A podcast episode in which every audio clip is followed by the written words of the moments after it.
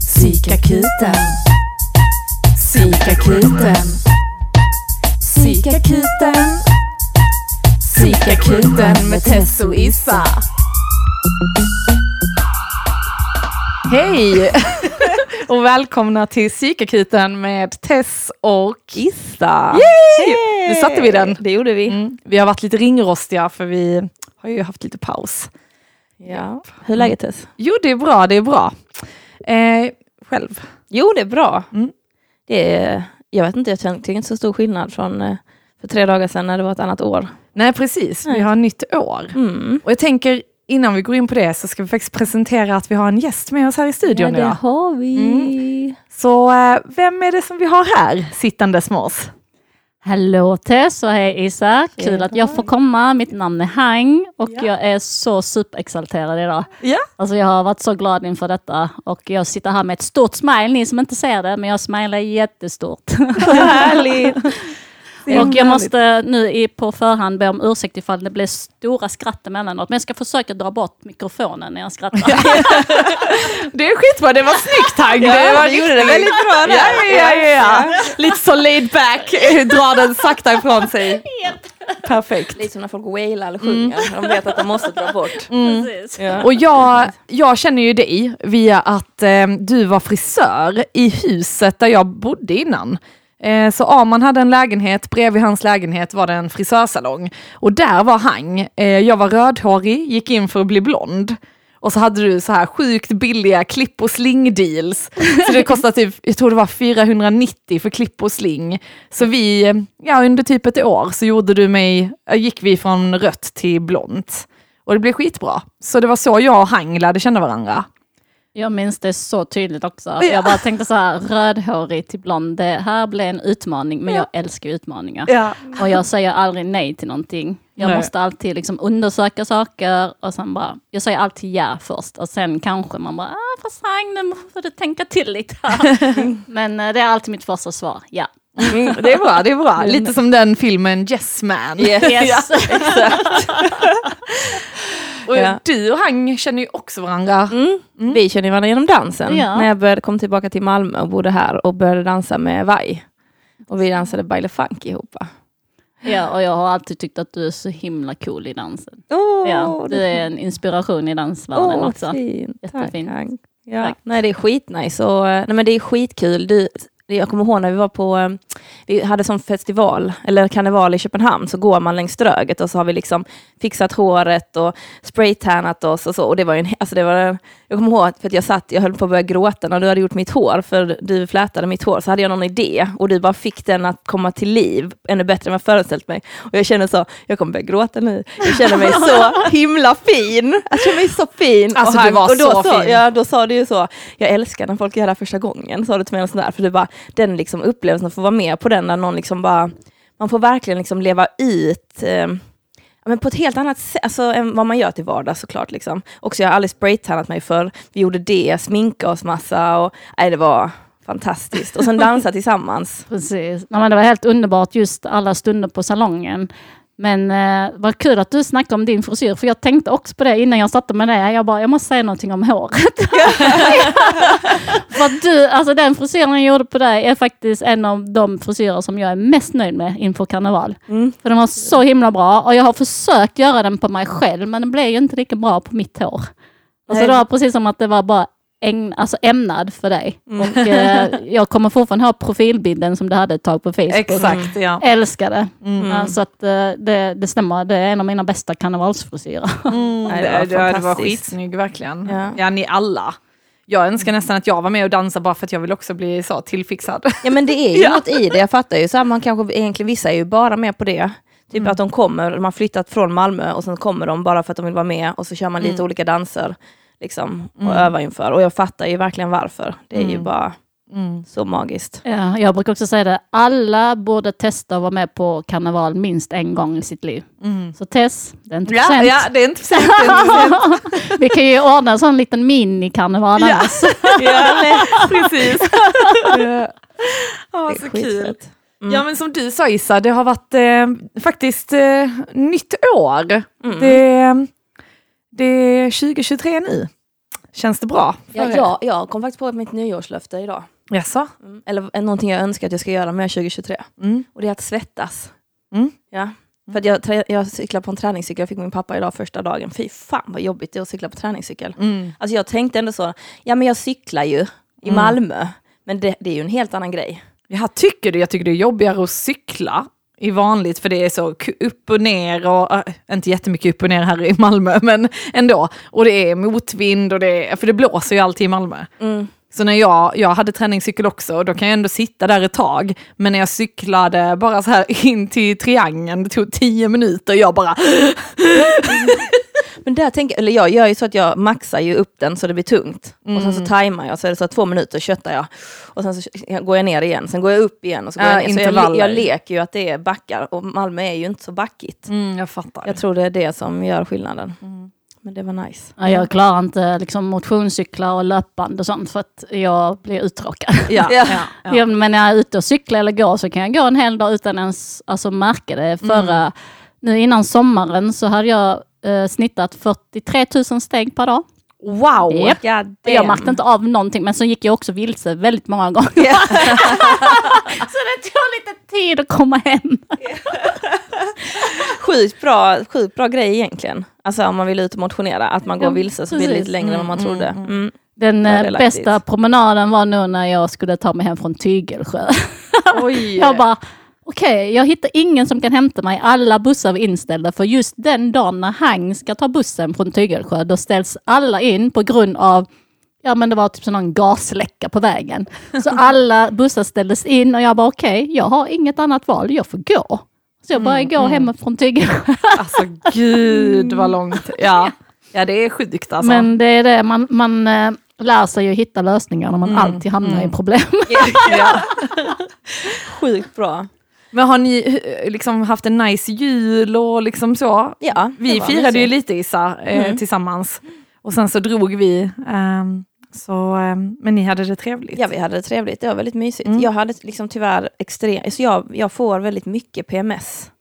Liksom, har jag märkt Mm. de senaste åren. Mm. Alltså, och då hade jag det över hela julhelgen. Mm. Så det var liksom som att det var skitmysigt och jag visste att det var asnice och jag kände att det var asnice. Men jag, kunde inte till, jag hade inte tillgång till den sanna känslan. Mm. Fattar ni vad jag menar? Mm, mm, Det är lite som att det är ett lock på det. mm. Eh, och sen efter när det släppte, alltså halleluja. Alltså det är ju det som är det bästa med det. Men hur Och länge bara- har du PMS då? Ja men då hade jag fyra dagar kanske. Ja det är ganska lång tid ändå. Mm. Och sen så, men jag, jag vet ju att när jag kommer komma ur det här så kommer euforin. Mm. Och det är liksom den betalningen jag får. Att när jag väl mår bra så känner jag liksom, så får jag liksom verkligen starka positiva känslor. Mm. Och de negativa berör mig typ inte.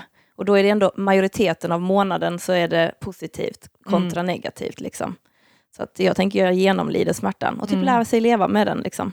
Ja fast är det inte, jag tänker lite på hon Wolverine som snackar om att man inte ska ha PMS. Mm. Alltså då är det ett tecken på att något är i obalans. Liksom. Mm. Att det, för vi, alla tjejer är ofta så, ja men PMS är en naturlig del och man ser filmer där killar pikar om, har du mens eller, alltså du vet så. Medan det är typ att det är inte, alltså bara för att det är normalt så betyder inte det att det är friskt. Eller förstår ni vad jag menar? Ja, men Alltså- det kanske också inte är friskt att inte ha PMS. Mm. Alltså jag tänker att det finns liksom en eh, evolutionär och biologisk anledning till varför du går in i de mörka känslorna. Mm, Liksom, Att det kan finnas någonting som liksom gör det. Mm. Jag tänker att det behöver inte vara någonting dåligt att ha PMS och att må dåligt. Jag Mm. tänker Ja det beror väl målet på hur väl- dåligt man mår tänker Ja. jag. Ja. Jag tänker målet är väl för mig alltså att acceptera i Mm. min, mig själv i min smärta. Att så det är så jag liksom kommer leva bättre i mitt Mm. liv i allmänhet. Mm. Liksom. Men det är väl bara att eh, det är väl acceptansdelen som jag alltid har problem med, när det gäller mina känslor. Mm. Att så, även om jag inte har PMS. Mm. Så här, jag är ledsen, då är vi ledsna. För att jag försöker alltid göra mig själv glad. Mm. Och då blir, jag bara, då blir det bara jobbigare. Liksom. Mm. Mm. Men är du medveten när du har PMS att du har PMS? Ehm, ibland, Ja. och min mamma påminner mig. För då kan jag ringa Ja. henne och bara, "Ah, jag vet inte. Hon bara, har du PMS? Jag bara, ja. Och då Ja. är det skitskönt, för då släpps det på något vis. För då kan jag bara så Mm. chilla i det. Liksom. Sen finns det ju skillnad på när man är ledsen för någonting som har hänt. Mm. Eller det, det är liksom, det, är irrat- det, är inte, det finns ingen rationell, och jag Mm. kan inte säga vad det är. Mm. Liksom. Mm. Och jag blir jätteklumpig. Jag går in i saker, jag, liksom, jag är inte närvarande på samma sätt. Ja. Mm. Har du PMS, Hang? Nej men alltså jag kan ju känna att det händer någonting. Ja. Och jag kommer ju aldrig ihåg när jag ska ha min mens. Så jag blir ju liksom överraskad varje månad. Bara, ah! Ah, nu fattar jag. och jag tänker så här, hur kan jag inte ha koll på det en gång i månaden? Ja, ja. Men sen i efterhand kan jag, ah nu förstår jag varför jag blev så upprörd. ja, ja. Men ja, jag tycker ju själv inte att jag har PMS, men folk i min omgivning säger att jag har PMS. Så jag får tro på dem. Alltså jag kan också känna igen det här att liksom när mensen kom så blev det så, aha, alltså verkligen den. Men jag blir oftast inte liksom så låg, utan det är mer att jag kanske blir så här eh, upprörd över saker och ting som har hänt. Liksom. Eh, och då fattar jag inte att det är kanske att jag har en överreaktion, men jag vet inte heller om det är en överreaktion egentligen, utan det kanske bara är en rimlig reaktion, men att det är PMSen som ändå gör att man kan få den. Liksom. Men just att jag bara såhär, nej nu räcker det, men i vanliga fall kanske jag inte hade reagerat på det sättet. Liksom. Mm, den absolut känner igen mig i det. Men jag sen tycker absolut, faktiskt att det är nyttigt Mm. med att ha de här upp och nedgångarna. För annars, alltså, tänk att vara så plain hela livet. Ja, Det ja, ja. Så att eh, på något sätt så känns det ju bra att man faktiskt har de pikarna också. Och dalarna. ja, alltså jag vet att när jag och Arman liksom hade träffats typ ett, liksom, ja, men ganska, kanske 8-9 månader, så var det lite så här att vi inte visste om vi skulle vara ihop eller inte. Jag ville vara ihop, men han ville inte liksom gå in i en relation. Och vi var ju typ redan i en relation. Och då var det ju en gång om månaden, jag grät, jag skrek, jag hade, och bara så här, varför duger inte jag? Och då var det så här, ja, det kom ju i samband med PMSen, men det var ju också känslor jag hade, alltså från början, som liksom, varför vill inte du vara tillsammans med mig? Um, så, men jag vågade inte få ut det, eller då försökte jag bara vara liksom den perfekta flickvännen så att han skulle vilja vara med mig. Men när jag väl fick PMS, då var det liksom, nu räcker det.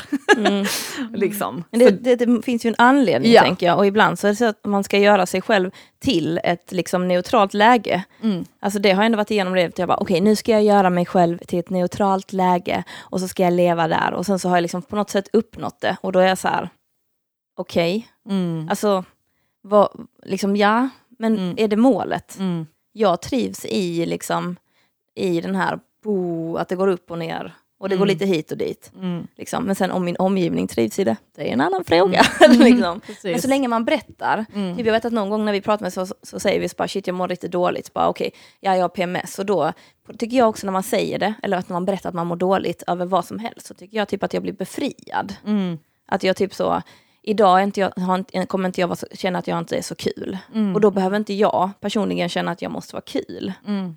Ja, då kan det vara så. Ja.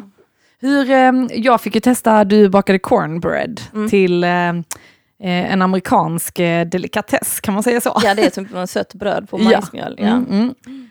Jag tänkte Hang, du är ju från, vilket land är du ifrån? Vietnam. Vietnam, precis.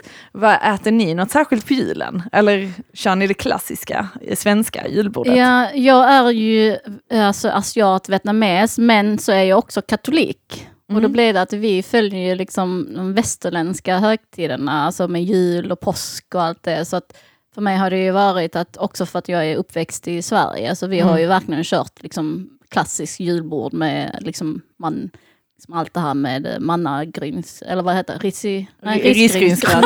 Risifrutti. Så jävla nice. Vi har 50 risifrutti.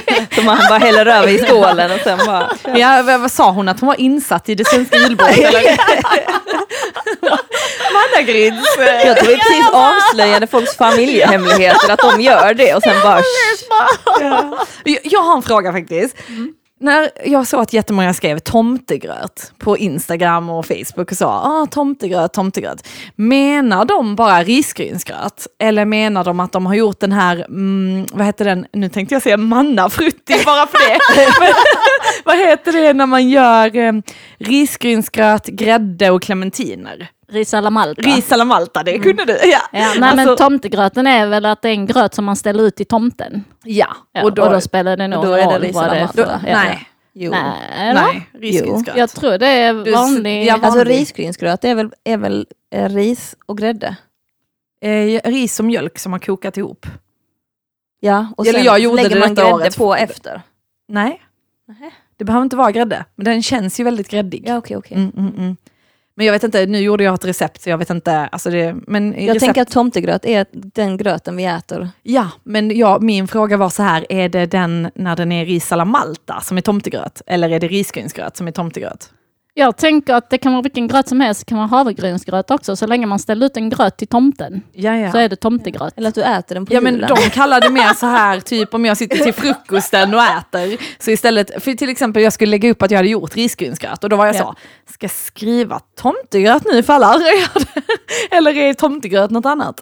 Så blev jag så. Jag tänker att det är individuellt vad som är tomtegröt. Precis. Den gröten du äter Ja. på julafton. Jag tyckte det var gulligare att säga till Eldar att mamma har gjort tomtegröt än att jag hade gjort risgrynsgröt. Tänk när han växer upp så kommer folk tycka han är helt dum i Ja, huvudet när han att bara jag här har är bara- tomtegröten och de bara det här är ris i frutti. Ja, exakt. Nej men så länge intentionen är att det skulle vara till tomten så Men är det det skulle okej. vara till oss. Ja men då är det inte tomtegröt. Nej. Men är ris alla Malta från Malta då? Ja, Det är frågan. Ja. Vad betyder Malta? Exakt. Eller hur? Är det clementin på ett annat språk? Kanske, kanske. Ja det är sådana som han kommer gå hem och googla nu. Mm, mm. Ja, ja, det måste vi göra. Mm. Men vi har ju bjudit in dig här idag, Hang, eh, för att du är ju en liten av en eh, allätare tänkte jag säga, men alltså allätare på livet helt enkelt. En mångsysslare. Ja, en mångsysslare. Ja. Och det tycker vi ju är jätteroligt, för både jag och Issa är ju sådana som kanske inte riktigt trivs att bara göra en grej. Liksom. Ehm, så att, ehm, kan inte du berätta lite vad, vad, vad för olika grejer du gör? Så vi bara radar upp det så kan vi pausa när vi vill eh, ha mer info om något. Ja. Ja, alltså jag, jag brukar ju, det står faktiskt nu på min eh, Tinder-profil att jag är mångsysslare på Hangout. För att jag orkar liksom inte riktigt berätta vad jag gör. För ibland så känns det lite som att jag sitter och skryter. Bara, Men så här många grejer kan du ju inte göra. Men det är faktiskt sant. Jag gör alla de här sakerna. Jag är frisör, ambulerande just nu. Mm. Jag är danslärare, eh, performerdansare, för jag, jag, eh, jag dansar på shower och så också. Mm. Jag, Är det två olika grejer då eller? Ja. ja. Mm. Precis. Jag Eh, räknar nämligen. Sen är jag skönhet och välmående inspiratör på Gröna Mötesplatsen. Jag är uthyrare också på Gröna Mötesplatsen, så jag har hand om events och uthyrning av danslokal Mm. och eh, lokalen där. Sen är jag, ehm, fixar jag events med Hangout with Hang Mm. och jag lagar mat. Jag har matlagningskurser. Jag kör ibland lite mat till eh, olika personer som vill att jag ska laga mat till dem. Mm. Jag står även i butiken på Swapshop på Gröna Mötesplatsen. Mm. Eh, ja, det är det jag gör nu. Ett tag så fixade jag liksom även dekorationer och sånt. Och eh, jobbade med casting och modell. Ja, modellande gör jag också lite grann.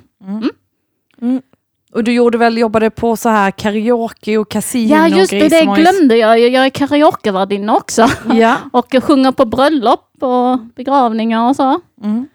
Eh, men det, det har varit lite mindre av den eh, produkten just nu, men eh, jag gör ju fortfarande det. Mm, mm. Eh, och sen är jag ju även med i olika organisationer, Mm. som uh, festkommittéer och allt möjligt. Och du är fyra barns mamma. Ja! Ja! så ni som har barn där ute som tänker att jag kan inte hinna med. Ja, det kan ni va? Bara man vill. Ja, men jag tänker liksom, när folk säger, men hur hinner du med allt? Och jag har aldrig förstått den frågan, för att i min värld har jag alltid hunnit med saker så länge jag prioriterar och planerar det bra. Mm. Och även att jag behöver inga pauser. Mm. Jag hatar pauser, så jag går ju från en sak till en annan. Mm. Jag vill Men inte vi ha kan- en minut över. Vi kan väl kanske ändå lite med säkerhet säga att du har ADHD? Eller? Ja, eller Ja, och jag behöver inte lika mycket sömn. Nej, men är det så att du inte behöver lika mycket sömn eller är det liksom mer att du har svårt att sova? Eller förstår du vad jag menar? Det är Alltså- nog en liten blandning. Jag har ju, när jag har besök till exempel, när min bästa vän David är på besök så sover jag med för att då har jag sällskap. Då behöver jag liksom gå och lägga mig för att han vill sova. Mm. Så jag vet att jag kan sova med om jag vill, men jag vill inte. Men hur mycket sover du? Eller så? Eh, tre, fyra timmar per natt. Ja. Ja. Och jag vill inte, för att ibland kan jag tänka så här, Men han skulle gå och lägga den. Nej men jag vill inte. Jag sitter hellre på att sticka en mössa eller bygga ett pussel eller planera mina fester. Så allt mitt planerande händer ju på natten. Jag lägger upp alla mina videos, jag klipper alltså, ihop videos, jag eh, lägger upp eh, planering för mina lektioner, Mm. gör koreografier i mitt huvud. Mm. Eh, allt det gör jag på natten. Men du känner aldrig att du blir liksom eh, slutkörd? Eller fattar du vad jag menar? Nej. Alltså, Eh, jag får den frågan nästan varje dag. Mm. Idag hängde jag med två vänner och de sa också, när man häng, alltså, kommer du inte gå in i väggen snart? Mm. Och då blev jag så här, "Ah, fast då hade jag nog gjort det nu. mm, hur länge Ja. har du hållit på så här liksom? Hela mitt liv, Ja. känns det som. och ja, nu måste jag ju avslöja min ålder här i podden, men jag är ju 42 och hade Mm. jag inte, alltså jag borde väl ha gått in i väggen nu om Mm. jag skulle ha gjort det. Så tänker jag att eh, det här är ju mitt normala. Mm. Jag blir ju slutkörd när jag vilar för mycket. Mm. Jag sov sju timmar här om natten och då kunde jag inte sova sen på två nätter. För då hade jag sovit för mycket. Mm. Men det här du snackar om med prioritering, liksom, är det någonting som du alltid har kunnat göra? Alltså har du liksom från det att du har varit så aktiv, att du har alltid tänkt att du måste, att du prioriterar och... Alltså så att det inte blir, om man har mycket så gäller det ju att prioritera för att det inte ska bli överväldigande. Mm. Liksom. Ja, och sen är det också att jag, för mina saker jag gör så krävs det inte så mycket planering som kanske för någon annan. För jag bara hoppar in i saker. Jag planerar till exempel inte mina dansklasser förrän 20 minuter innan. Eh, jag gör mycket på plats. Att Mm. jag improviserar väldigt mycket. Men det är bara att folk märker inte av det. Men Mm.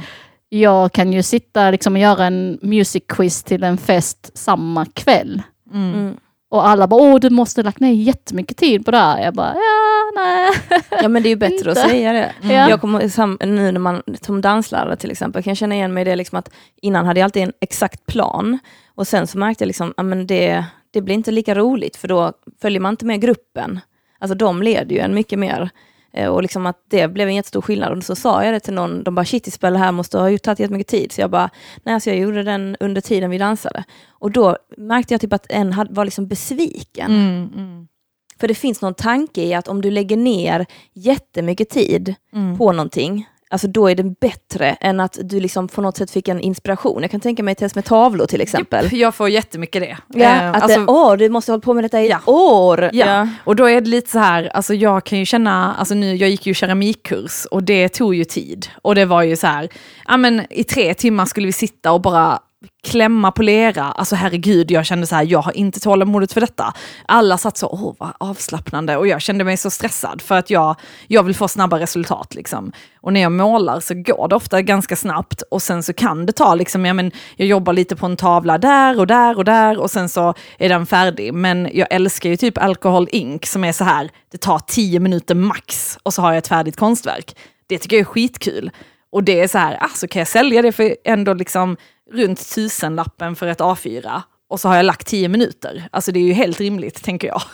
Medan en canvas som jag jobbar med i en vecka eller mer kan jag bara ta alltså, lite mer, alltså, ni förstår skillnaden liksom. Men då tycker ju folk liksom, de vill ju höra att det har gått, alltså tagit lång tid och blod, svett och tårar i princip. Eh, och jag vet inte, alltså, om resultatet ändå är detsamma, så vad spelar det för roll? Jag Men då är det man- precis som ja. att man inte kan ta det priset känns det som. Som att folk tänker så, va? Men det är ju inte det, de betalar ju inte för allt mitt arbete, de betalar ju för produkten. Mm. Alltså, mm, Ja men precis som upplevelsen eller vad det nu än är. Mm. Ja. mm, Ja, men jag kan känna igen det, för som frisör så är jag också väldigt snabb. Jag har hört att jag är väldigt snabb jämfört med andra. Och någon gång när jag har klippt vissa som kanske har lite tunnare hår, men man ändå måste ta samma eh, liksom, pris, så kan jag medvetet ha liksom försökt klippa lite mer långsamt för att de ska få ut lite mer av sin, alltså mer valuta för pengarna. mm, Och då blir man så här, varför är det så i vårt samhälle att man liksom, alltså att priset ska jämföras med hur mycket tid man har lagt ner? Det borde ju vara liksom Mm. resultatet. Mm. Eh, och det har jag gått ifrån mer och mer. Nu Mm. är jag så, det här går jättesnabbt, bara så du vet. Jag är snabb. Ja. Eh, Men resultatet kommer att bli densamma. Mm. Jag liksom ruckar inte på kvaliteten, aldrig. Men jag har ju blivit snabbare och snabbare med åren. Mm. Eh, och jag glömde nämna att jag även är yogainstruktör. ja, just det. Eh, Mm. och där under yogan är det samma sak. Jag har aldrig planerat en yogaklass. För jag behöver känna av atmosfären i rummet, Mm. vilken energi folk kommer med den kvällen. Mm. Och också så, liksom vad jag själv känner just i den stunden. För att jag är en person som behöver jobba när jag har kniven mot strupen. Mm. För annars har jag hunnit bli uh, uttråkad Mm. innan det ens har börjat.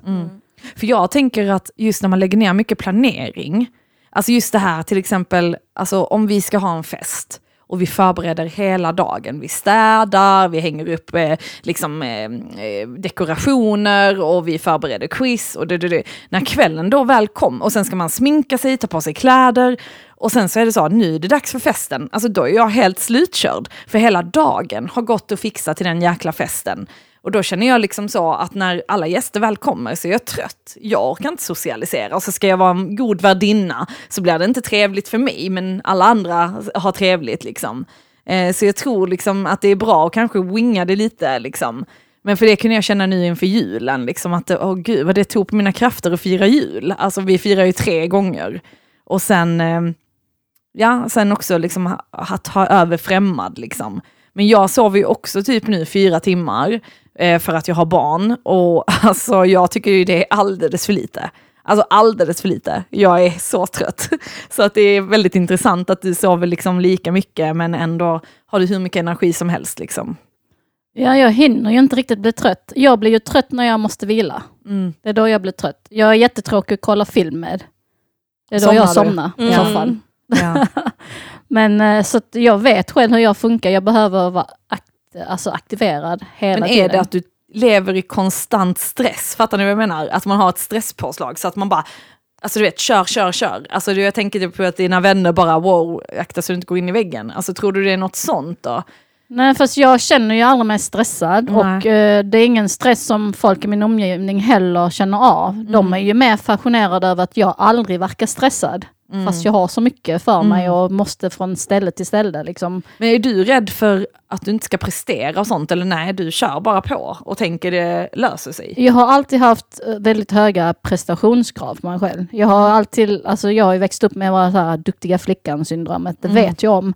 Men jag har mer och mer gått ifrån det här att det måste bli bra. Alltså Mm. jag är mer så här att, men jag, jag, jag gjorde det. Eh, Jag utmanar mig själv, jag gav mig in bara det är en prestation i sig. Och jag har liksom börjat klappa mig själv på axeln mer och mer. Att han, du gjorde faktiskt detta. Mm. Eh, Det kanske du inte hade gjort för liksom några år sedan, men nu gjorde du detta och du ska vara stolt över att du gjorde det. Eh, Det måste inte alltid, innan var jag så att jag skulle vara bäst på allt. Eh, Jag har fortfarande en massa rankinglistor i mitt huvud, i mitt liv. Jag rankar allt. Eh, Folk tycker det är jättekonstigt att jag Vad typ så? Ja, men jag kan så, eh, jag har en eh, så vänlista där jag har, vem är min bästa vän just nu? Och sen så kan den här listan ändras från dag till dag, från minut till minut. Så, David, nu är du nummer ett, men nej, nu du tappade tre platser nu för du har inte hört av dig på två dagar. Ja, men det kan vara, Usch, det känns tufft. och, och folk tycker det är jättekonstigt. Bara, men Hang, du kan inte ranka dina vänner. Jag bara, nej jag vet, men jag kan inte hjälpa att jag någonstans i mitt huvud har den här listan väldigt visuellt framför mig. Jag kan till och med se ibland ett namn åker ner liksom och sen kan ett annat namn åka upp. det Nej, jag, jag håller inte med dig Hang, du bara... Exakt! Nej men så är det med allt. Jag har så ranking på alltså allt och jag har märkt att mina barn har ju blivit lite likadana. Jag får ju alltid fråga, mamma, vem tycker du är bäst? Vem, har star- vem är starkast? Vem har mest... sp-" Alltså jag bara, men sluta nu. Så bara kommer, de har ju fått det från mig. Ja. Jag är ju tävlingsmänniska, jag har alltid varit det. Mm. Men mer och mer nu så känner jag att jag behöver inte vara bäst. Jag kan vara medioker Mm. på allt istället. Så att, eh, nu känner jag att jag bara ska göra så mycket som möjligt. Mm.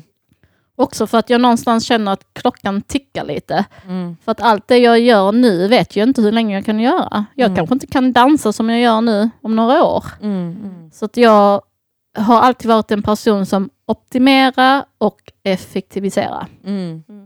Mm. Och det kommer jag alltid vara. Mm. Men du sa ju ett bra ordspråk Issa, som eh, det här med att vara medioker. Kan, över- Ja men det, var, det, det finns ju den här eh, talesätt, jag tycker jag har hört det jättemycket i mitt eget liv, för jag är väldigt lik det att jag gillar att göra många olika saker och så börjar jag någonting nytt och sen så skiter jag i det så går jag vidare. Mm. Men då, är det, då börjar det så här, a jack of all trades is a master of none. Och det är typ bara den jag har hört. Mm. Man bara okej, så får man det upptryckt i ansiktet liksom. Mm. Och sen fortsätter Hur är den på svenska då? Att en... eh, en, eh, en mångsysslare liksom är inte en eh, mästare på något. Alltså Ja, du är inte bemästrad precis. i något. Nej. Och sen fortsätter det. But oftentimes better than a master of one. Men oftast bättre än, än någon som är bemästrad, bemästrad i bara en sak. Mm. Och den slutdelen har liksom aldrig någon sagt till mig. Nej. Och det är liksom så, ja det är väl jätte, det finns, jag tycker det finns något coolt i människor som är svinbra på en sak och de kan grotta ner sig. För mig blir det ju att jag har inte koncentrationsförmågan eller som du också säger, jag blir uttråkad av samma sak. Och då kan det vara bra att man känner, känner sig själv, så vet man att under den här dagen så kommer jag behöva göra typ så eh, fyra olika grejer. En kan vara att sitta ner och göra någonting, men då vet jag att detta är en kort tid vid datorn och planera någonting. Och sen nästa sak är en rörelsemässigt. Jag kan känna igen mig i det, han liksom att man, inte, man är inte stressad för att man gör ju saker man tycker om. Ja. Och om man är på väg, om man är någonstans där man tycker om, och så vet man att man sen är på väg någon annanstans som man tycker om.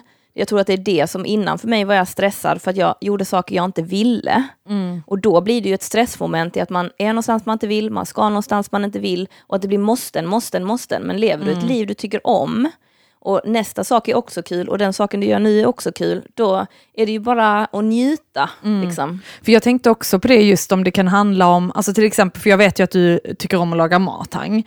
Och då kan jag tänka så här, alltså ju, jag, jag vet inte, nej men jag gillar nog inte jättemycket att laga mat, men det är ofta jag som lagar mat. Och jag kan känna så här, när det är dags att laga mat så är det så, vad ska vi äta?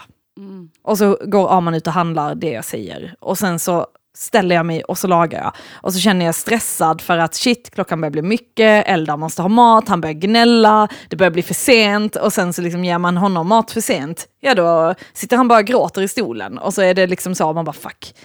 Och jag kan känna bara så här, nej gud vad tråkigt det är. Och jag hatar att tvätta, jag hatar att diska, jag liksom tycker om att städa, men nu känns det som att energin är så låg och behöver jag då städa så känner jag bara så, jag pallar inte städa. Så fort han sover vill jag bara ligga i soffan och titta en serie. Och det, jag tänker då om jag hade liksom älskat att laga mat, då kanske det hade varit så här, oh jag får energi av att stå här i, i köket och liksom detta är min stund. Alltså istället för att jag känner bara, jag hatar detta, men vi måste äta mat. Eller fattar ni vad jag menar? Ja. Nej, men jag är helt, alltså, när folk säger så här, hur hinner du med allt? Så brukar jag svara, men har ni sett mitt hem?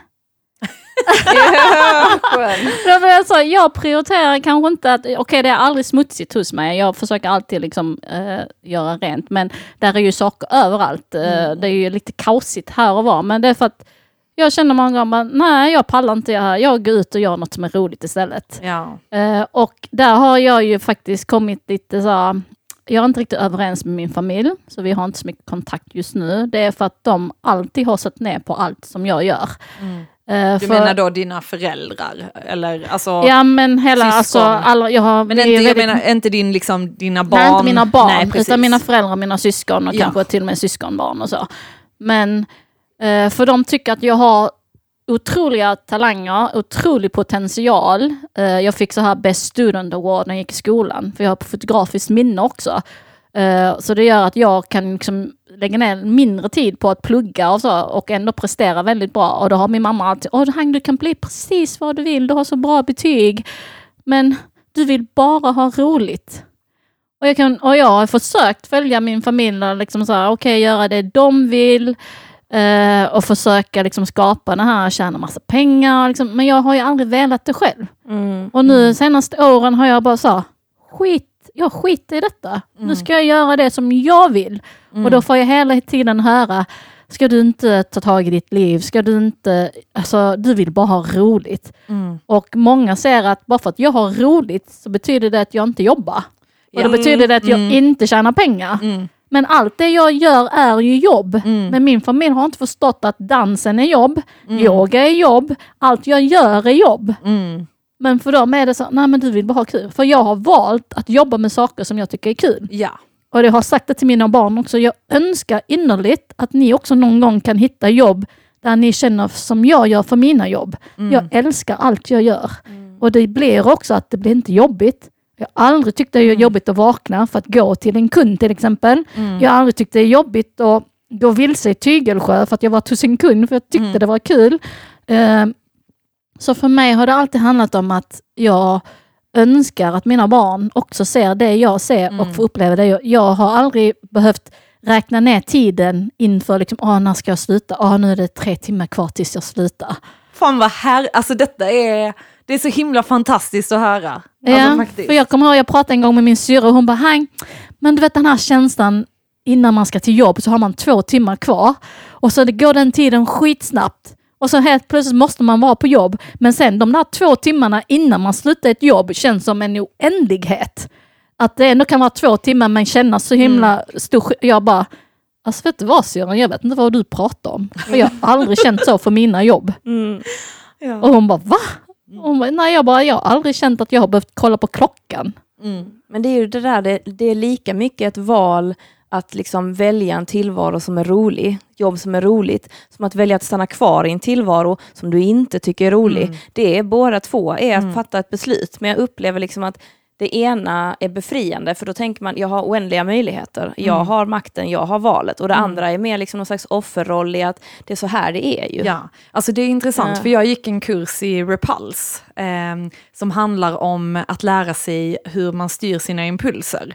Och det är för att nu när vi jobbar med ungdomar så ska vi hjälpa dem med att liksom kunna styra, men man kan göra det på liksom, den äldsta som hade gått hade säkert varit 90 år gammal. Liksom. Men det var skitintressant, för då sa hon som utbildade oss att eh, det finns inga måsten. Hon bara, jag vill påstå att du inte måste göra någonting. Och så sa vi så här, men man måste ju andas, annars dör man. Hon bara, ja, fast så höll hon andan. Hon bara, kolla, jag andas inte nu, men jag väljer att andas. Så hon bara, jag vill påstå att det enda du måste göra är att välja. Du har alltid ett val. Precis. Och tar man in det och, och tänker så här, jag väljer att tvätta, annars har jag faktiskt inga rena kläder. Istället för, jag måste tvätta.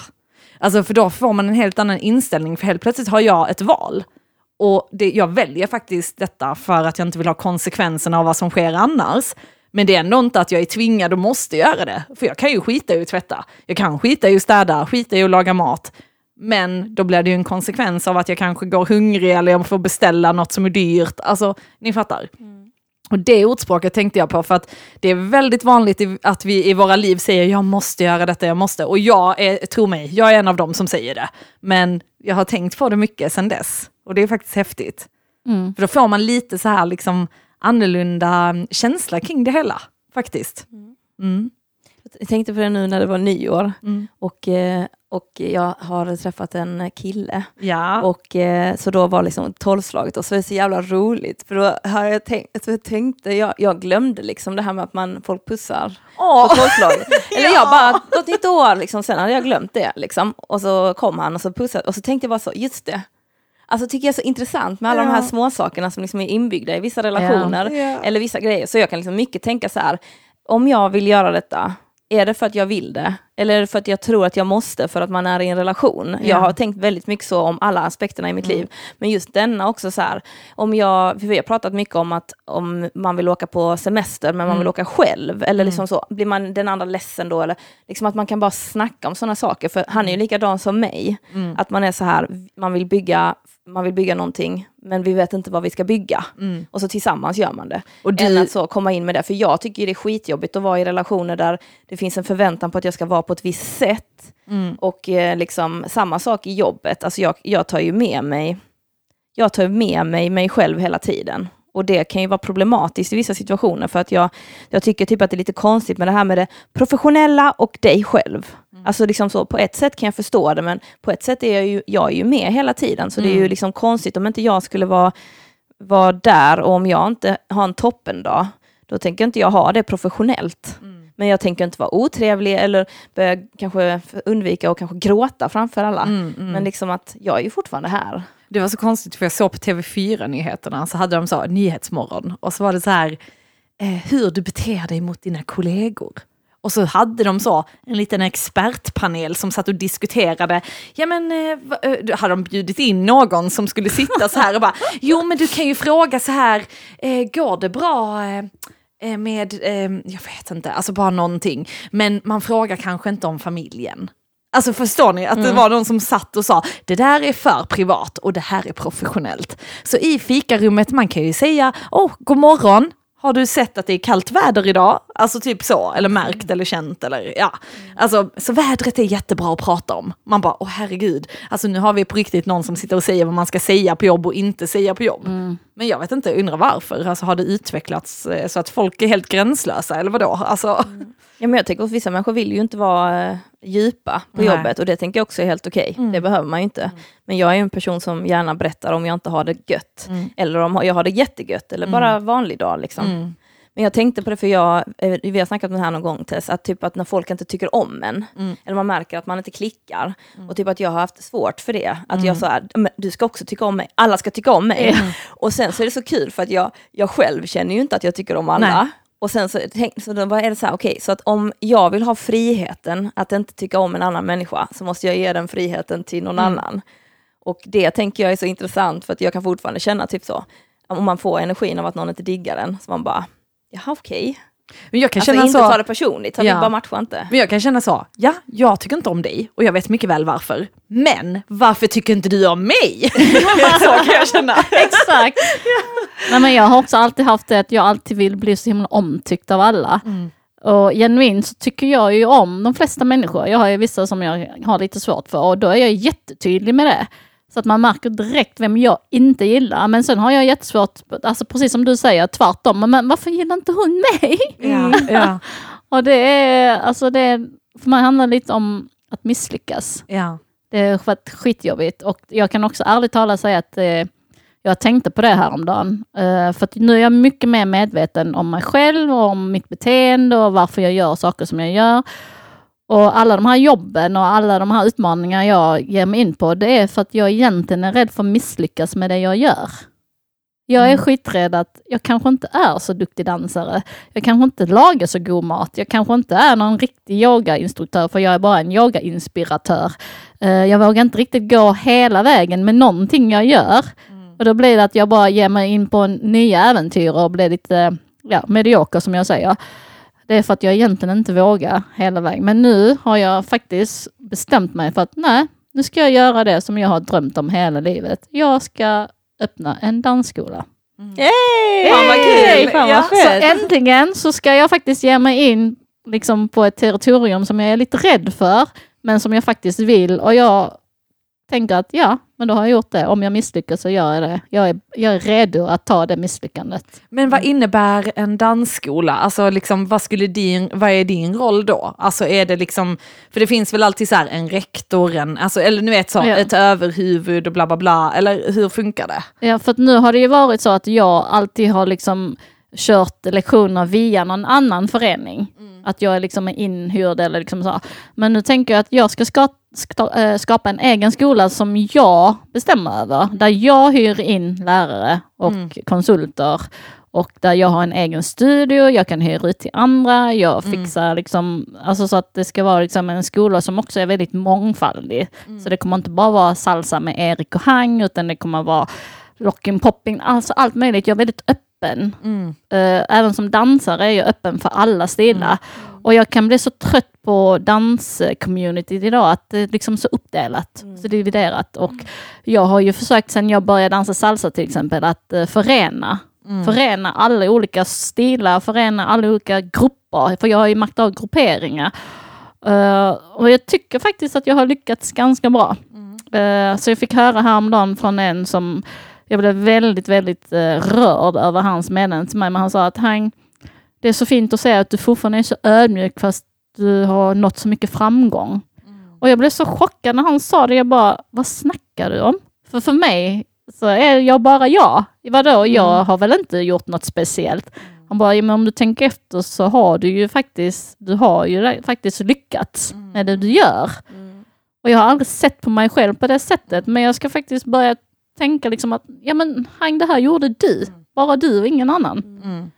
Jag, Eh, jag tänker, alltså för vi känner ju också ganska många som lever på, ja men det är stand-up och poddar och hit och dit. Och när man liksom berättar det för folk så blir folk så, jaha oj, så du, du jobbar inte liksom på ett, eh, inom situationstecken vanligt Ja, jobb, utan ett du, jobb. Då, då är du ju verkligen lyckad. Medan då jag vet ju att många kanske inte känner sig alls lyckade. För det är så, ja, vi hankar oss fram, vi får det att gå runt, men det är inte liksom att man är på en nivå där du kan kanske ha väldigt mycket ledigt, utan det är fortfarande väldigt hårt arbete.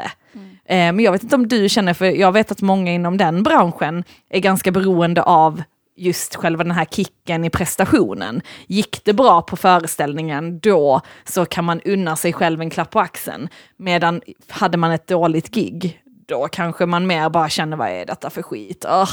Alltså känner du så också? Eller det, det, det är alltid liksom att du känner en belöning i ditt jobb liksom? Jag kan ärligt talat alltid säga att jag nog aldrig har känt att jag inte har gett någon belöning. För det, för mig spelar det ingen roll om jag gör ett event och det är tre glada personer eller 300 glada. För mig så ser jag individen. Mm. Och jag tror också det gör att jag kanske har en annan relation till mina elever till exempel och alla som kommer på mina events. Mm. För jag har alltid kommit ihåg alla människor jag träffar Mm. till namn. Och jag kommer ihåg vad de berättar till mig och liksom, det blir ju liksom att det blir en väldigt eh, personlig relation. Men för mig är det att jag är så mot alla. Inte bara för att Så jag de ska vill inte att tro att de är något? Nej precis, och inte bara för att de ska dansa hos mig utan de märker ju också att men det är så hon är och många är lite skeptiska till mig i början. För de tänker, jag vet att en del tänker, nej men så här glad kan hon ju inte vara alltid. Nej men så här är hon ju inte på riktigt. Så de är lite nog- misstänksamma? Ja, de är lite så, här, ja Ja. men nej, det här kan ju inte vara på riktigt. Hon kan ju inte vara så snäll och liksom så. Men nu, många av mina vänner säger, men nu har vi känt dig i så många år, du är på riktigt. och jag bara, ja, jag får väl skryta lite om det då. Nej, men, för, för att jag går in i alla relationer, jag, alltså alla människor jag, eh, jag träffar med liksom, eh, öppenhet och också så att alla är en vän till mig, tills de inte är det längre. Mm. Och då kommer man ju ihåg. Det är som vissa kunder tänker, men du har inte sett mig på fyra år, hur kan du fortfarande komma ihåg vad jag berättade till dig för fyra år sedan?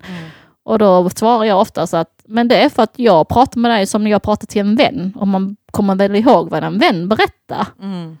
Eh, också att för mig funkar det inte riktigt att ha så här kundkartotek och skriva upp saker, utan jag har ju allt uppskrivet i mitt huvud. Mm. Och det är när folk vill liksom se saker på papper, det är då det börjar strula sig för mig. Ja, ja. Jag bara, nej alltså jag har ingenting att skriva ner. Allting är i mitt huvud så du får bara lita på att jag har koll. ja. För jag tänker också du är en sån enorm skapare av händelser, alltså så situationer, händelser. Och det tänker jag att samhället eh, liksom verkligen, eller alla människor uppskattar. Och att det är det att våga bara, nu ska vi göra detta, jag kommer fixa en fest, det enda ni behöver göra är komma dit. Eller nu ska vi göra detta. Och det är ju liksom en extremt eh, vacker gåva till människor, att, man väl, att man bara så, detta händer, kom.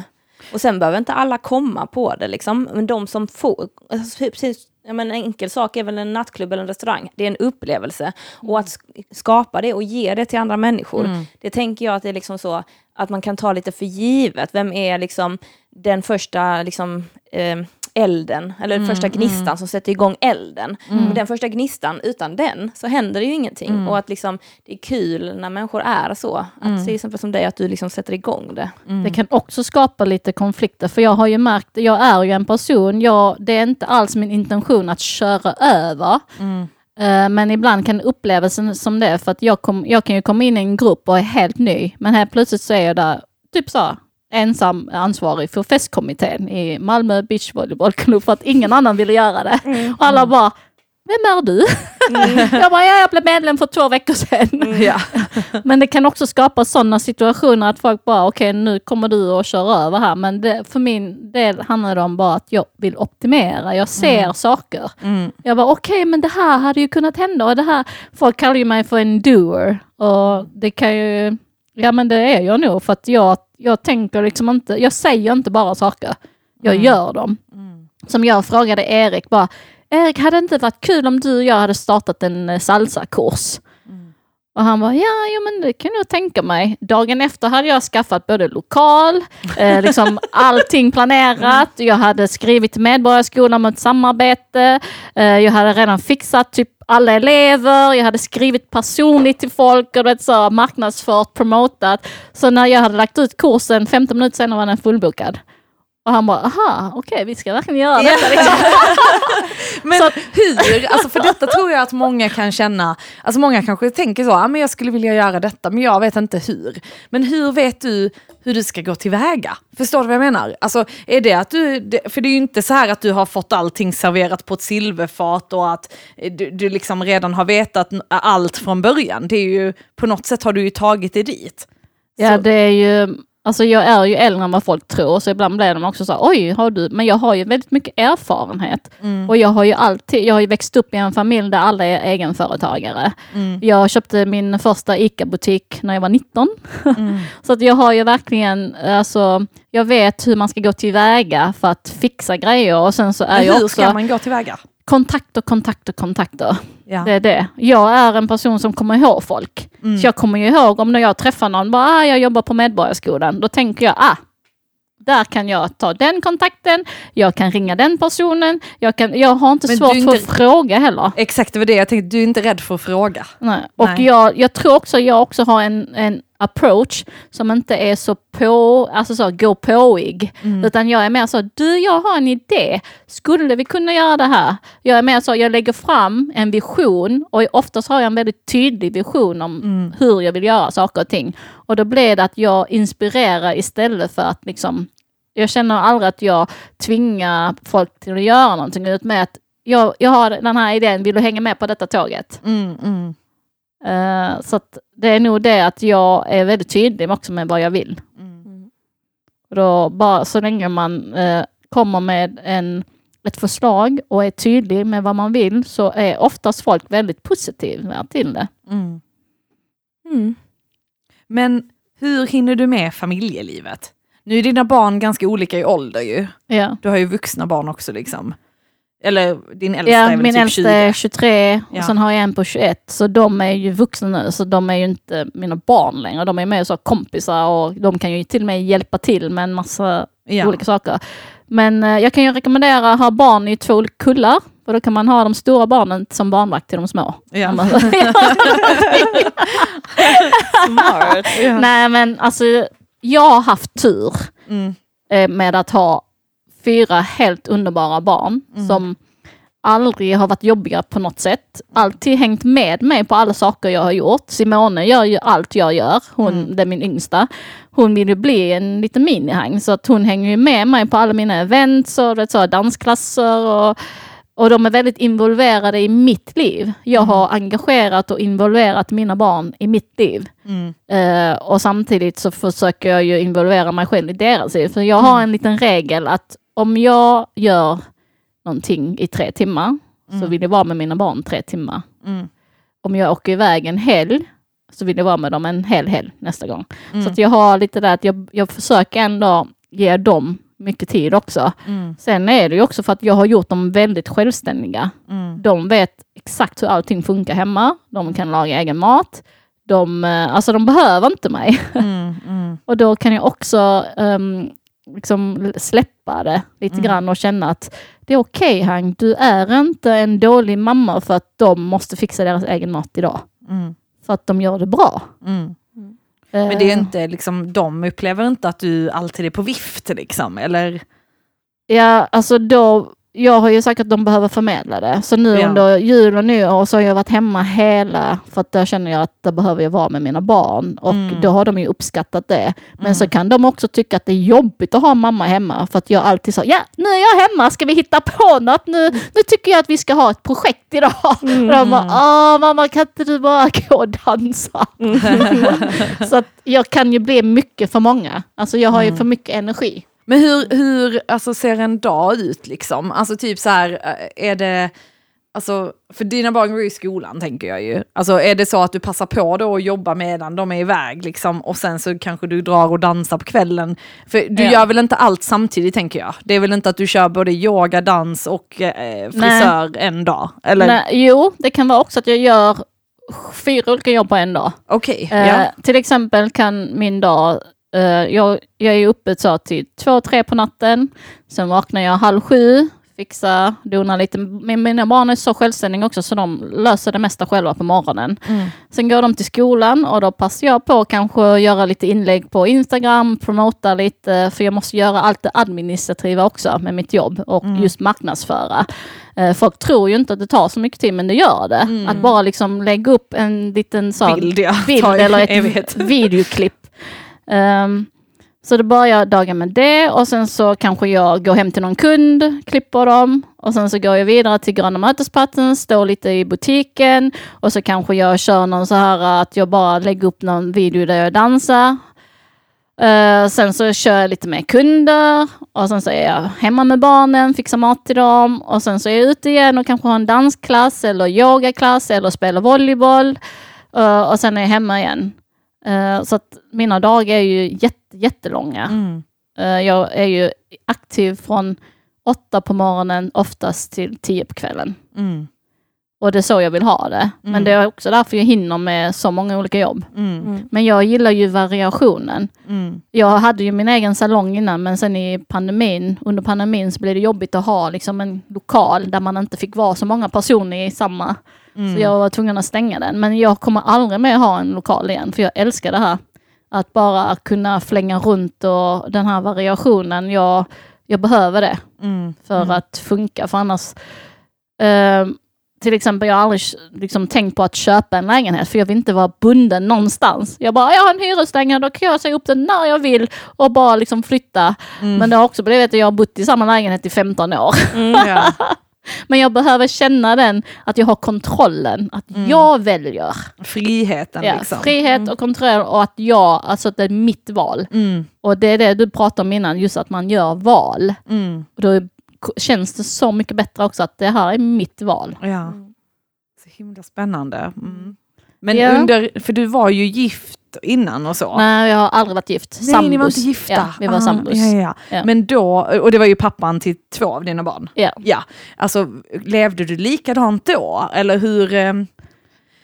Ja, jag har haft väldigt mycket trauman i mitt liv. Så att eh, när vi var tillsammans så var han dödssjuk också. Mm. Och jag hade liksom fyra små barn så jag kunde inte leva på samma sätt. Jag var ju väldigt mycket mer hemma då. Mm, mm, Men mitt, mina tankar har alltid gått till annat. Mm. Eh, och han var ju aldrig riktigt intresserad av någonting jag gjorde. mm, Så det blev ju ändå mycket att jag, det kändes som att vara ensam fast i en relation. mm. Eh, Men jag gjorde ju fortfarande många olika aktiviteter Ja, och var iväg på väldigt olika saker. Men det var också mycket mer tid med barnen. ja.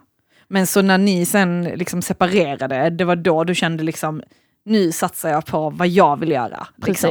För att du kände kanske att Men det hade- också, var- jag tror också att möjligheten öppnade sig mer för mig när vi separerade och att han hade vissa kvällar där han var med barnen. Ja, Och det blev så, ah, då fokuserar jag på de här dagarna så ska jag bara max, maxa och optimera mm, mm, och bara göra allt jag vill göra. mm, Eh, så att min, min, eh, alltså det första jag tänker liksom är att, ja men vad vill jag göra nu? Jag gör det. mm. Jag tänker liksom inte, jag har nog inget konsekvenstänk. Det är ju det.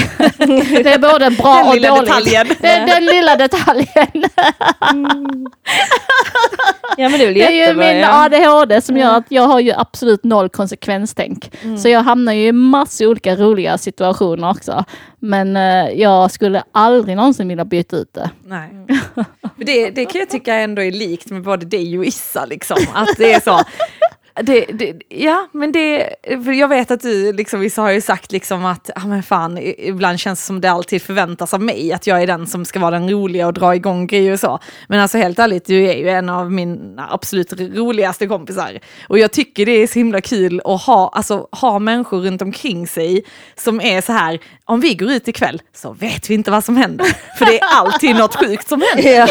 Medan om jag går ut liksom själv med någon annan så är det bara så här, ja ja men det är väl ganska, ja, nu vet vi ungefär. Och det, det är väl ändå, alltså det är ju en jättefin egenskap tänker jag. Ja, ja, men det som han säger det är ju någon slags impulsivitet och utan konsekvenstänk. För Så- jag kan känna att jag Ja. gillar mig själv när jag är med dig Isa. Mm. Fattar Ja, men du? det För är du väl också att liksom man- drar fram lite Ja. Mm. den vilda sidan i mig. Annars kanske jag är för mycket för reserverad. Men det är ju någonting med att bibehålla, alltså den här, den, det är accepterat när man är yngre. Det här barnsliga, eh, liksom eh, lekfulla. Och jag tycker också det, jag tycker det är väldigt kul att leka. Jag tänker det är ju det som är målet i livet, att man hela tiden leker. Om man då väljer att bli för många procent vuxen, Ja. Då liksom försvinner hela den delen av mig och då blir jag ju, då blir jag ju jätte, alltså då mår inte jag bra. Nej. Och det, men det, det som han säger så här, målet är ju inte att man så här, jag gör massa grejer för nu ska jag bli rik. Det är det många tror så här, när du har liksom någon slags entreprenörsanda, att så här, du gör det för att du vill få pengar. Så är det så, nej, jag gör det för att jag tycker att det är kul. Och sen har jag lyckan, alltså att jag, liksom, folk vill betala mig för saker jag tycker är kul. Ja. Och det är ju det som är grejen. Hittar du grejer du tycker är roligt och folk är villiga liksom att, att ge sin energi genom pengar tillbaka till dig för du ger dem energi på ett annat sätt. Då är det liksom eh, det bästa. Och jag tror också det här att inte ha konsekvenstänk leder ju också till att du gör, alltså Alltså jag kan också känna igen mig, man bara så nu vill jag göra detta och folk bara vad fan, liksom, var fan fick du den idén ifrån? Den kom. Ja, Ja, det är så precis. utstuderat. Jag, bara så, ja, men jag dansade med kvinnorna på Ystadanstalten nu innan sommaren. Och då var det också sån, jag fick en idé. Jag vill dansa med kvinnor som sitter i fängelse. Och alla bara, va? Wow. Varför ska du göra det? Jag bara, nej men jag bara, det är roligt. Jag, jag vet inte. Så gjorde jag det. Och alltså, jag kommer ihåg första gången jag gick därifrån. Alltså jag kände som att jag flög. Alltså jag bara, wow. Alltså att jag kan få betalt för det här. Alltså bara känns helt fantastiskt. Ja, och liksom. att de hade så roligt Ja, också. och det, för det är ju det utbytet, för jag har kul, då har de också kul. Det är precis Precis. som man är i skolan och man har en lärare som inte tycker om ämnet de lär ut till en, då kommer man inte lära sig någonting. Men li- är det en lärare som brinner för någonting, då kan man tycka att vad som helst är intressant. Bara, jag gillar inte att dansa, men jag gillar ju tydligen det. Ja, för jag tycker det är så kul. Liksom. Och att man går i forefront, jag tänker också på dig Hang, att du, liksom, du är villig att göra att, att liksom, äh, inte, skäm, inte skämma ut det, men det folk inte vågar. Typ att man är lite tokig. Och så blir det typ som att folk, liksom, då vågar de också vara lite tokiga. Att man så på något sätt leder folk in i leken. Och då är de med liksom. Och också att jag tror att det som är gemensamt här är att ingen av oss försöker liksom eh, framställa oss som någonting vi inte är. Nej. Jag säger också alltid, alltså jag är väldigt så öppen med vad jag inte kan och vad jag kan och liksom vad jag förmedlar. Och det gör ju att man blir väldigt, eh, alltså, de, alltså att man ändå kan få folk att känna att, ah, men kan hon så kan jag. Mm. Att man inte är någon sån här som bara är oupp- ouppnåbar liksom. Så Nej. jag bara... eh, och Eller som det- bara är så grandios och bara Precis. jag är bra på detta och detta och, det, och så är folk så okej, japp. Ja, Alltså, men, alltså som när jag, för att ärligt talat så har jag ju inte dansat salsa jättelänge. Men helt plötsligt så är jag salsalärare och jag hade dansat baile funk någon termin och helt plötsligt var jag baile funk-lärare. Jag hade yogat, var det ett år, och helt plötsligt bara håller jag yogaklasser och folk bara hur kan du göra de här sakerna helt så? Det är för att jag känner någonstans att så länge man har passionen och intentionen så kan jag också lära mig genom att lära andra. Och, men jag gör ju inte det helt från ingenstans.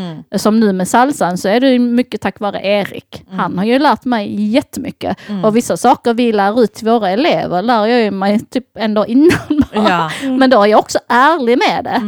Då kan jag säga till mina elever, vet ni vad? Det är, eh, om ni inte fixar det här så gör det inget, för jag har också precis lärt mig det. Mm. Och de bara, va?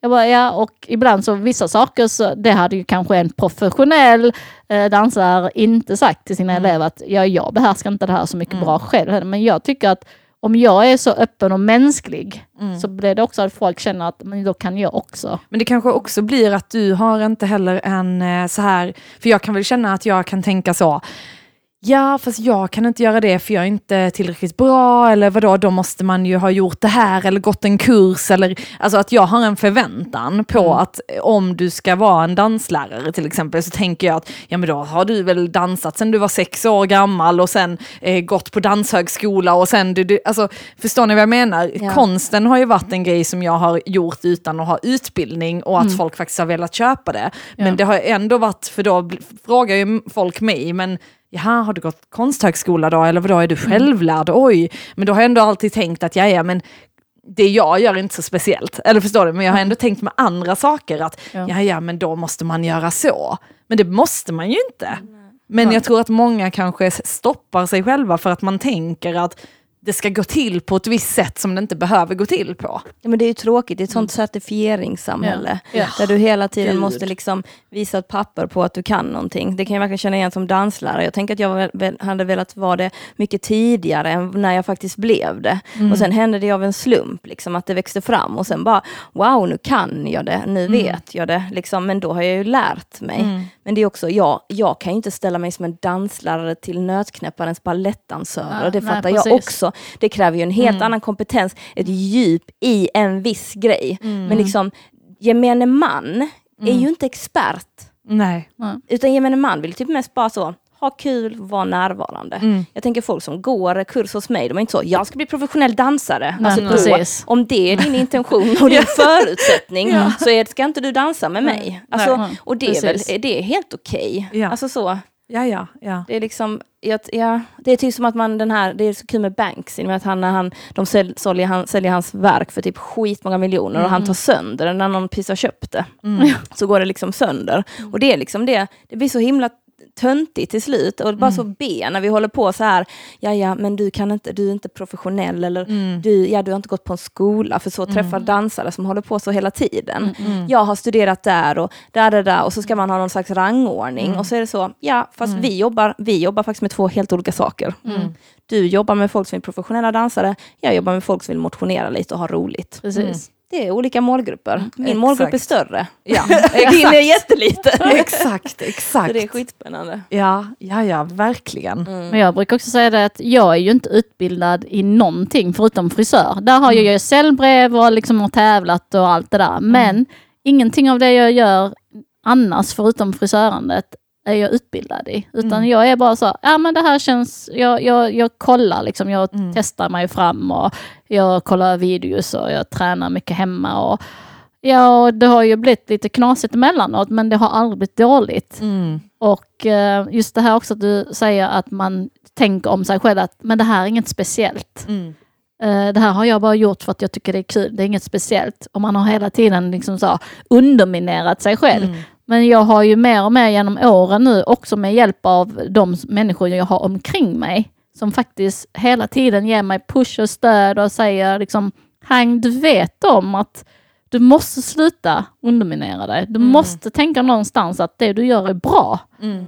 Eh, och jag känner att jag har kommit i en fas i mitt liv där jag faktiskt är väldigt eh, balanserad och liksom harmonisk i hur jag mår, var jag är idag. För att det är för att jag har åldern, erfarenheten, men samtidigt känner jag mig fortfarande som ett barn. Mm. Och det är den liksom perfekta balansen i att kunna göra saker och må bra i det och att inspirera människor.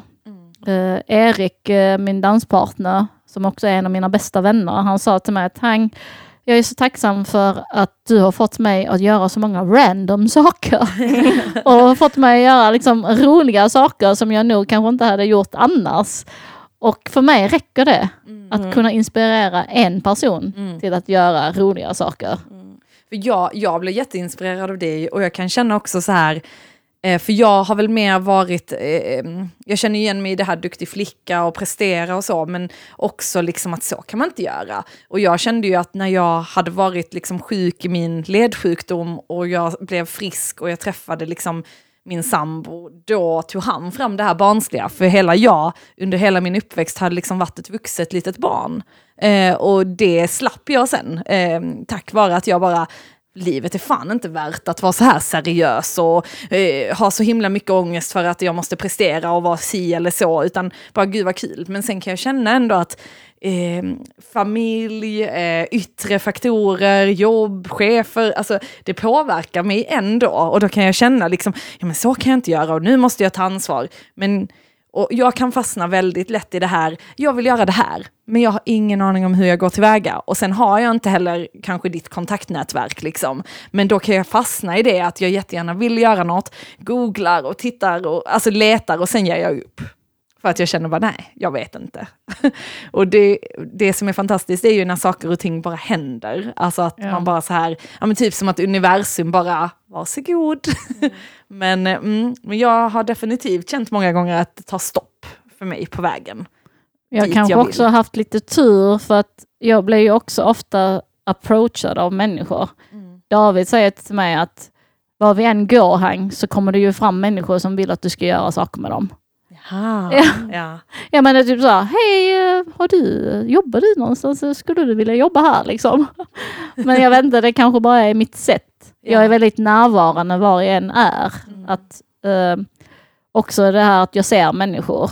Det, jag har ju valt att jobba med människor för att jag tycker om människor. Mm. Och tycker man inte om människor, ja då får man välja annat. Ja.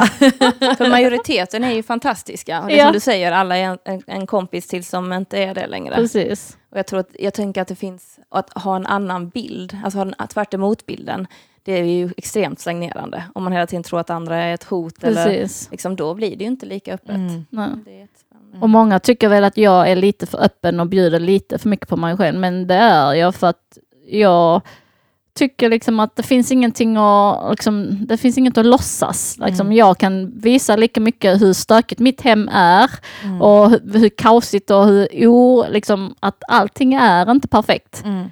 Eh, samtidigt som jag kan visa alla mina bra sidor. Så att det gör ju väl också att man kan relatera lite mer till mig och kanske eh, Ja men vi tar hellre en, en dansklass hos Hang för att där kan man vara sig själv. Jag känner också typ så här att jag kan Ja, men jag kan ibland få liksom min sambo, om vi har träffat så här, ja, men några bekanta eller ett kompispar eller så, så kan jag vara väldigt så, ja, men jag är öppen med liksom positiva saker och negativa saker och bara Ja. detta händer i våra liv just Precis. nu. Liksom. Och då kan han ibland bli lite så här, ah, vi kanske inte borde sagt det eller vi kanske inte borde pratat om just det. Eh, och då känner jag lite så, men Alltså jag känner så, jag är mig själv Mm. och jag litar på att det är okej med dem jag umgås med. Eller förstår ni vad jag menar? Även om man nu inte är nära. Men då kan det också väckas lite så här, shit, delar jag med mig för mycket? Är jag för? Är detta, alltså så. Men jag tror också, jag tycker inte om ytliga konversationer. Ja. Så blir det ytligt, då håller ju ofta de andra det också ytligt. Men går jag på djupet med grejer eller pratar om riktiga, verkliga saker, då vågar andra öppna upp också. Och det blir ju mycket mer spännande och intressant än om vi sitter och pratar om vädret. Alltså ja, typ så. Ja, precis.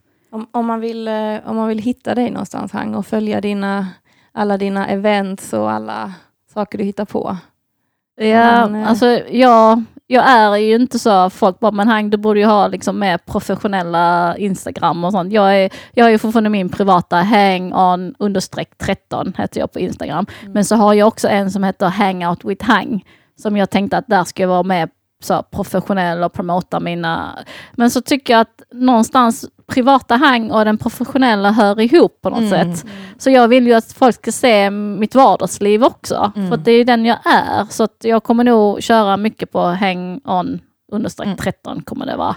Eh, Men där ser man allt jag gör och jag lägger oftast ut stories på, ja men imorgon har jag yoga, det finns tre platser kvar. Eh, Så man bara liksom måste hänga med mitt tempo. Och det är ju oftast ganska alltså, låga priser på det Ja, du gör, tänker jag. Alltså, det är ju faktiskt Ja. väldigt eh, fördelaktigt. Ja. Liksom. För jag tänker alltid att människor ska liksom inte begränsas av att de inte har råd. För mig så handlar det mycket om att välmåendet går först. Och sen att jag inte tjänar så mycket pengar, det gör ingenting. Så länge jag klarar av att betala min hyra, har mat på bordet, mina barn får det de behöver, vi kan resa ibland. Så räcker det för mig. Jag behöver inte ha miljoner på kontot, för det är inte det det handlar om. Och det är där det går liksom är lite jobbigt för min familj att tänka att men du kan ju tjäna pengar om du vill. Men jag känner att jag vill, att, eh, jag vill öppna upp möjligheter för människor. Att göra saker som de kanske känner sig begränsade med annars. Att nej men jag har inte råd att dansa, det kostar så mycket. Då vill jag hellre att de ska kunna dansa mer och betala mindre. Och det är min tid men jag ger jättegärna den tiden. För för mig ger det så mycket mer än pengar på kontot. Och jag tror att om alltså fler hade tänkt så, så hade vi också haft ett mer um, hälsosamt samhälle. För för mig har det ju funkat att tänka att ha kul i livet. Jag mår ju så mycket mer eh, Mm. bättre nu mentalt än vad jag gjorde för tio år sedan. Ja. Eh, och känna att den här pressen på mig också har släppt. Mm. Jag känner att det som är jobbigt för mig det är när jag känner mig begränsad. Mm. Och det kan ju vara så som du säger, liksom sitta och prata med eh, ett annat par under en middag. Jag vill inte känna mig begränsad i vad, vad, vad jag kan säga och inte säga. Mm, Exakt. Eh, och många gånger när jag har varit ute på fester så har många missuppfattat. Uh, Hang, du som älskar att mingla. Och då blir jag så, stopp, stopp, stopp. Jag älskar inte att mingla, jag är bara bra på det. Jag är bra på att mingla, men jag älskar inte det. Jag tycker faktiskt inte om att mingla. För att jag är en person som när jag träffar någon så blir jag väldigt engagerad i den personen. Mm. Och då blir jag ha djupa samtal. Och för mig är det jättejobbigt att gå från person till person och prata om väder. Mm. Och då blir det oftast att jag blir den som dansar mest på dansgolvet. Mm. För att jag inte vill mingla. Mm. Så folk som har lärt känna mig nu tänker jag liksom, ah, det är sant nu när du säger det. Ja. Du är ju ingen mingelperson. Nej. Jag bara, nej för jag är oftast värdinnan Ja. som måste springa runt och göra en massa saker. Eller så är jag på dansgolvet och dansar som en tokstolle Mm. hela natten. Men du njuter av att vara, vara värdinna liksom. För Ja. jag kan tycka, alltså jag tycker det är kul att fixa och så. Men jag kan ändå känna att jag inte liksom, jag vet inte, nu på senare dagar har jag nog börjat känna att det är nice att vara gäst. Eller förstår du vad jag menar? Ja, ja. Nej, men jag har alltid älskat att passa upp andra. Mm. Det är därför jag aldrig tyckte att det var ett jobbigt att ha barn heller. Mm. Eh, för min mamma har ju sagt många gånger, "Hang, när jag tittar på dig och alla dina barn och allt du gör så kan jag bli trött bara att tänka på det. Mm. Men du klagar aldrig. Mm. Och jag bara, nej för jag tycker inte det är jobbigt mamma. Och folk är ju mer bekymrade över, alltså så, folk oroar sig för mig mer än vad jag gör det själv. Och jag tänker att ni behöver inte det. Mm. Jag säger till när jag mår dåligt. Ja. Det läggs ut på ett inlägg på Facebook. Liksom. Som allt annat. ja, alltså jag är väldigt öppen. Mm. Ni vet när jag mår dåligt. Ja, ja. Ja men det är, alltså tack så jättemycket för att du har kommit hit och gästa och ni får jättegärna gå in och följa Hang på Hang On. Hang on understreck 13 på Ja. Instagram. Ja. Var Eller kommer så får 13 ni ifrån? Får man adda på mig på Facebook. Ja. Nej men 13 har alltid varit mitt turnummer. ja. Så jag lägger in det lite här och var. Mm, ja. Nice. Så bra. Ja. Tack så jättemycket. Jag är jätteglad för att komma hit och det känns som tiden har gått så snabbt. Ja, ja, jag vill ja, komma det gör tillbaka. ju det. Absolut. Ja. Och Issa, har du någonting som du skulle vilja göra lite reklam för? Nej, Nej. det har jag inte. Och ni som inte följer henne så finns du ju på... Boom Bellan. Mm. Och jag På finns på art by björk. Får jag göra lite mer reklam? Absolut, absolut. Nej men jag, jag har sagt att jag ska promota mitt och eh, salsa med Erik. Så Mm. ni får jättegärna börja dansa salsa med Erik och Hang. Och det är i vi, Malmö. Mm. Det är i Malmö och vi är mycket billigare än alla andra för att vi kan vara billigare nu. Så att Mm. ni får passa på innan vi blir dyra. och sen kör vi lite mer funky salsa. Så det är lite nya, nya grejer i Malmö. Mm. Var hittar man detta då? Eh, man kan antingen gå med i Facebookgruppen eh, Salsa med Erik och Hang eller så kan man skriva till mig. Eh, men vi har just nu klasser på Augustenborg på måndagar. Mm. Så det bästa är faktiskt att skriva direkt till mig privat. Mm. Jättebra. Perfekt. Ja. Vill du propsa för något? Eh, nej, Nej. inte sådär. Nej. Jag har Vi vill vi propsa för eh, www.psykakuten, nej vad ska jag bara, www.patreon.com snedstreck psykakuten. Bra Isa, bra Ja, Isa. om ni vill bidra till denna podden. Mm, så får ni jättegärna gå in där och skänka en liten slant till oss Yep. och bli Patreon. Så Det eh, det får man jättegärna göra.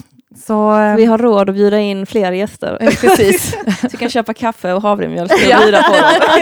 Exakt. Vi sitter här utan bullar, det finns en anledning. Ja. Det finns inte pengar nog. Det finns inga pengar till bullar. Ja, Tack så tack för denna jättemycket. gången. Tack!